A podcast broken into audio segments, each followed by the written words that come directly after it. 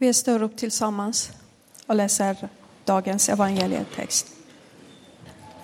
Det är Johannes evangeliet kapitel 7, vers eh, 40 till och med 52.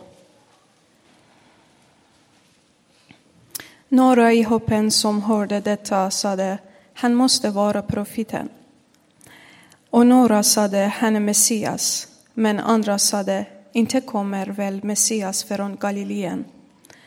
Säger inte skriften att Messias skall vara av Davids ett och komma från Betlehem, byn där David bodde? Så blev hoppen oenig om honom. Några ville gripa honom, men ingen lyfte sin hand mot honom. När deras folk kom tillbaka frågade översteprästen och fariseerna varför har ni inte tagit hit honom? De svarade aldrig har någon människa talat som han. Då sade fariseerna till dem har ni också blivit vilse, vilseledda? Finns det någon i rådet eller bland fariseerna som tror på honom? Men den stora hoppen som inte kan lagen, den är förtappad. Nikodemus som själv äh, satt i rådet och som tidigare hade sökt upp Jesus sade inte dömer väl vår eh, lag någon utan att man först har hört honom och tagit reda på vad han gör. De svarade, ehm, är kanske du också från Galileen? Se efter i skriften, så skall du finna att ingen profet kommer ifrån Galileen. Så lyder det heliga evangeliet.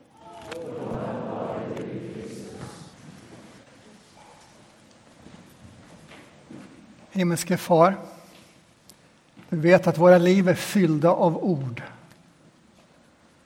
Från bloggande och twittrande, från tidningar och tv, från poddar och telefon. Nu ber vi att den här stunden om nåden att få smaka av att ditt ord är levande.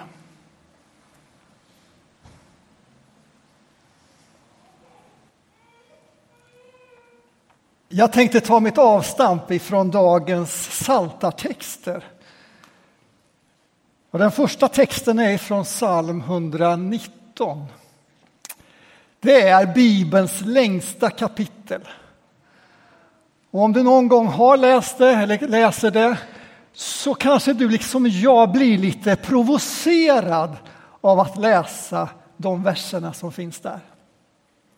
Därför att där möter vi en människas förhållningssätt till Guds ord. Och det kan låta så här. Vers 127 läser jag ifrån. Därför älskar jag dina bud mer än guld. Underbara är dina lagbud, därför lyder jag dem. När dina ord öppnar sig ger de ljus. Åt de oerfarna ger dem förstånd. Jag lyssnar begärligt med öppen mun, ty jag längtar efter dina bud. Ja, vad säger du om de där orden? Bud och lagbud. Ja, för honom eller henne som har skrivit och sagt detta så var ju Guds ord helt enkelt Moseböckerna. Och så möts vi av denna starka längtan till orden i Moseböckerna. Och bilden i den sista versen. Jag lyssnar begärligt med öppen mun. Här är bilden av en flämtande hund. Ska vi se. Som törstar Och vi skulle kunna läsa den versen som som en törstig hund spärrar jag min mun flämtande efter ditt ord. Ja, hur många av oss skulle känna igen sig i den bilden? Jag kan inte påstå att jag alltid känner någon större längtan efter Bibelns ord. Det kan gå långa tider där jag bara får göra det av beslut. Kanske var det svårast just i den här tiden när barnen var små och livet var fyllt av så mycket.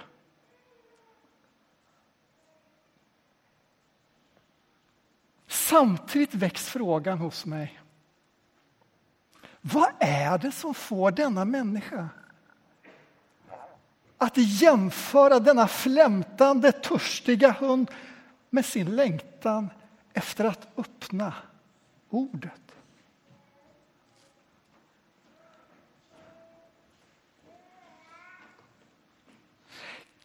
Det finns nog många svar, men kanske vi hittar en tråd i nästa saltartext. Och då går vi till kapitel 33. Och då handlar det inte om personens förhållningssätt till ordet utan snarare vad ordets betydelse är. Och här knyter salmisten an till historiens början. Vers 6. Genom Herrens ord blev himlen till. Vers 9. Han, det vill säga Gud, talade och allt blev till. Han befallde och det skedde. Nu handlar det inte om det skrivna ordet, men fortfarande om Guds ord. Och här påstås att detta uttalade ord är det som frambringar historien, skapelsen. Och vi känner igen det från första kapitlet i Bibeln. Vi kan ha otroligt många frågor och vetenskapliga synpunkter på de där kapitlen där i början. Men en sak är väldigt tydlig.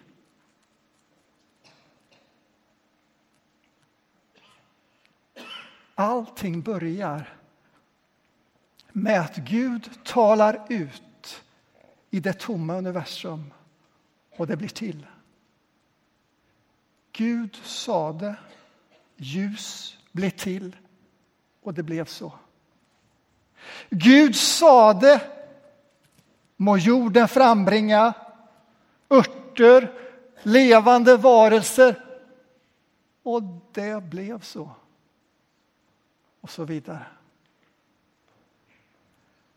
Ordet ur Guds mun frambringar liv i historiens början. Allt började med orden. Och här fick jag i veckan medhåll från lite oväntat håll när jag läste Aftonbladet i onsdags. Där en krönikör vid namn Peter Kadhammar skriver om ordens betydelse i politiken. Och så resonerar han och slutar med följande citat. Ord är grunden för samhället.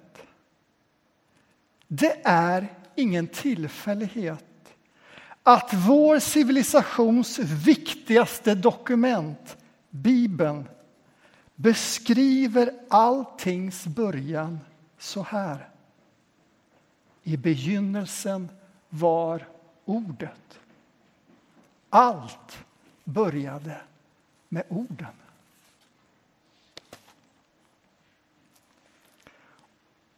Och här citerar Kadhammar Johannes evangeliets pampiga inledning. Och låt oss gå till den.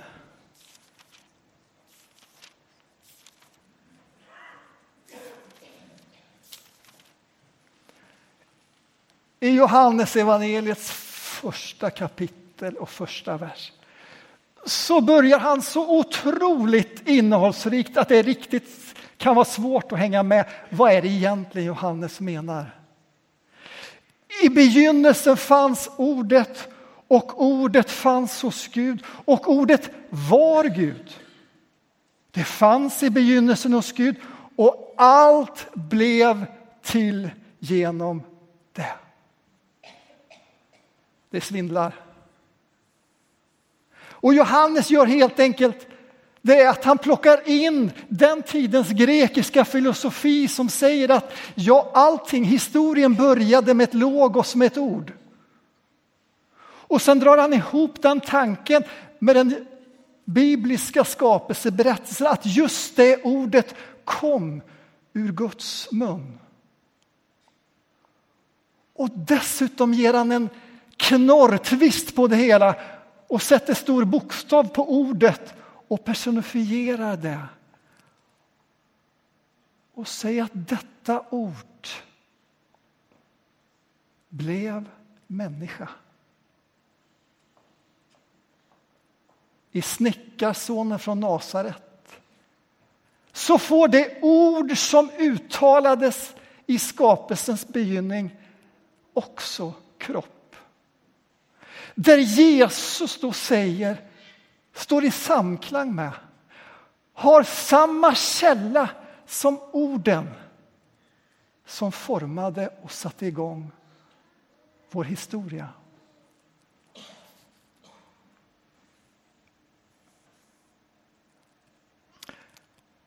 Om det är sant så kanske det inte är så märkligt att Jesus vid något tillfälle talar till stormen så att den stillnar.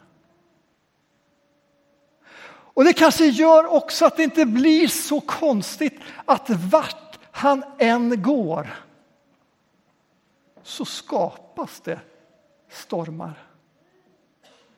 Överallt reagerar man på hans ord. Och det är en sån situation som vi möter dagens text vi hörde i Johannes evangeliet. Människor reagerar på det ord som utgick ur Jesu mun. Vi går till kapitel 7. Det är fullt av folk i Jerusalem. Man vill fira minnet av uttåget till Egypten genom att bygga lövhyddor. Och gator och torg är fyllda av människor och av ord. Och så är Jesus där.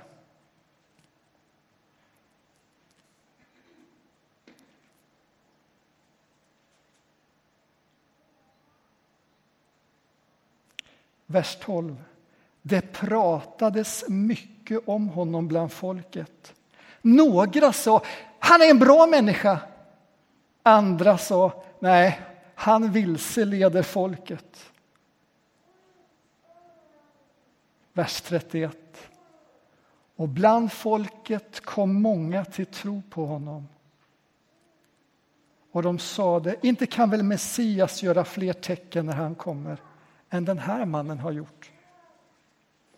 Och så de där religiösa ledarna som alltid dyker upp. Fariseerna fick höra vad folket pratade om honom och översteprästerna och fariseerna skickade ut sina män för att gripa honom. De hade sina egna Securitasvakter och de gav dem ett vanligt rutinärende denna dag. Hörde ni, kan ni gå och ta fast den där killen där borta som står och talar? Och vad händer? Vad händer när dessa ordningsvakter rör sig fram bland myllret av människor och ord och närmar sig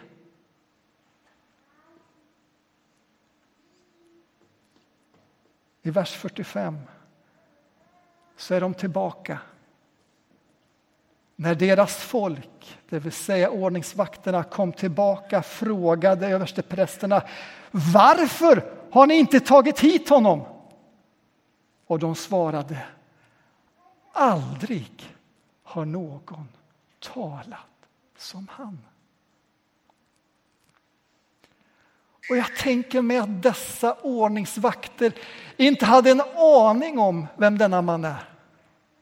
De var inte alls belästa som fariseerna på, på Gamla testamentets ord. Men de bara kunde berätta om att när de hörde orden från denna man så hände någonting i deras liv. Någonting som gjorde det omöjligt att lyda order. Och de kom tillbaka och, och bara kan konstatera vi har aldrig hört någon tala som han. Vad händer i dessa ordningsvakters liv? Kan du känna igen dig i det som händer?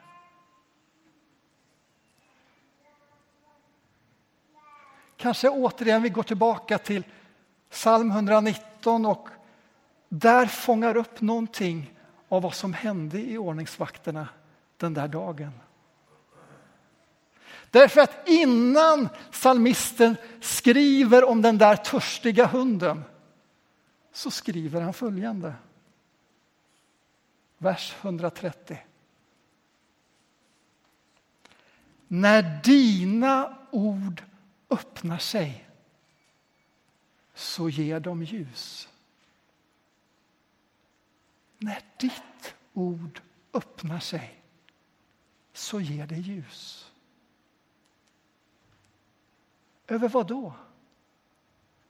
Över våra liv? Över våra hjärtan? Över vår vardag? Och det förändrar. Det påverkar. Det gjorde det för ordningsvakterna och många kan vittna om hur när ordet öppnar sig och ger ljus och ger liv och blir ett levande ord så förändrar det någonting. Det är ett ljus som kan ta sig olika uttryck. Kanske att det för någon annan inte handlar om att inte lyda order. Men istället få ljus över sin självbild. Över de ord som man har lyssnat till i sin omgivning och som har format sitt hjärta. Nu kommer ett annat ljus, ett annat ord och säger någonting om ens liv.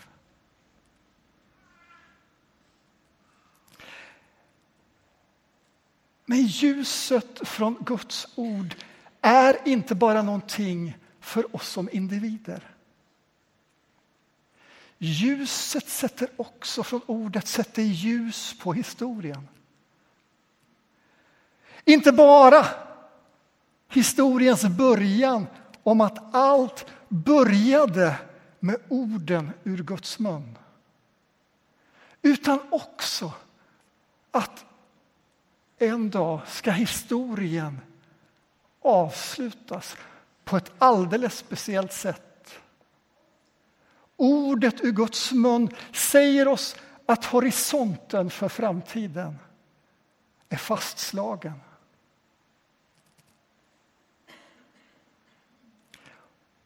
Och jag tror att det är därför som den där mannen Paulus, som vi så ofta återkommer till i våra gudstjänster och i Bibeln, att han ber för en församling i Efesus så ber han just om detta när han säger må ert inre öga få ljus. Må Guds ord ge ert hjärta ljus så att ni kan se. Se vad då? Jo, när ni lever i mörker under romarrikets förtryck så behöver ni se ett annat ord som ger hopp. Må han ge ert inre öga ljus så att ni kan se vilket hopp han har kallat er till. Och för dig och mig som inte lever under romarrikets förtryck och kanske inte något annat politiskt förtryck heller här i Sverige. Vi kanske kan ta till oss samma bön genom det mörker som allt mer kommer från orden ifrån våra vetenskaps och klimatforskares munnar. Varje dag möter vi orden om en mörkare horisont. Och det är viktiga ord. Det är ord som vi skulle behöva ta på mycket större allvar. Det vet vi. Men det är skillnad att ta de orden på allvar under ljuset av Guds uttalade ord.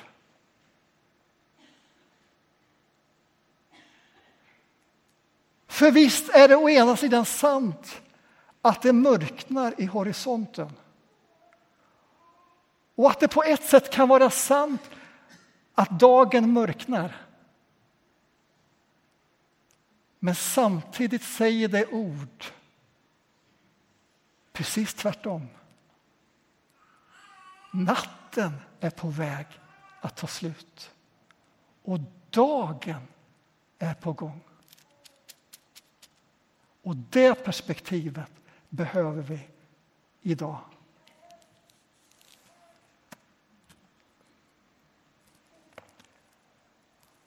Hörrni, jag vill bara den här stunden betona för oss att det spelar roll vilka ord vi lyssnar till. Det spelar roll vilka ord som vi låter forma våra liv. Vilka ord som formar vår horisont. Och Gud har gett oss ett ord. Ett ord som fanns med från begynnelsen. Ett ord som avgör horisonten och ett ord som idag vill bringa liv och hopp in i våra liv. Och även om vi inte känner igen oss i den där hunden så kanske det räcker med att vi anar en längtan efter Gud. Låt ditt ord få forma mitt liv. Gud, låt ditt ord få ge ljus in i mitt liv som det just är. Gud, låt ditt ord få ge ljus in i min horisont. Om du känner det, en aning av längtan, så skulle jag vilja uppmuntra dig att ta vara på det. Kanske att du kan gå och samtala med en förebedjare direkt i gudstjänsten och få liksom bli välsignad i den längtan. Kanske att du innan du lägger dig ikväll kan ta tio minuter, öppna Johannes 7 och läsa igen om de där säkerhetsvakterna och fundera på om du var en av dem som närmade dig Jesus. Vad är det du hör ifrån hans mun? Vad är det för ljus som öppnar sig i ditt liv? Och jag skulle vilja uppmuntra oss att ta vara på den tid som kyrkan kallar för fastetiden. En tid där vi just hjälper varandra att sänka volymen på de andra orden för att detta ord ska få ljus över våra liv. Amen.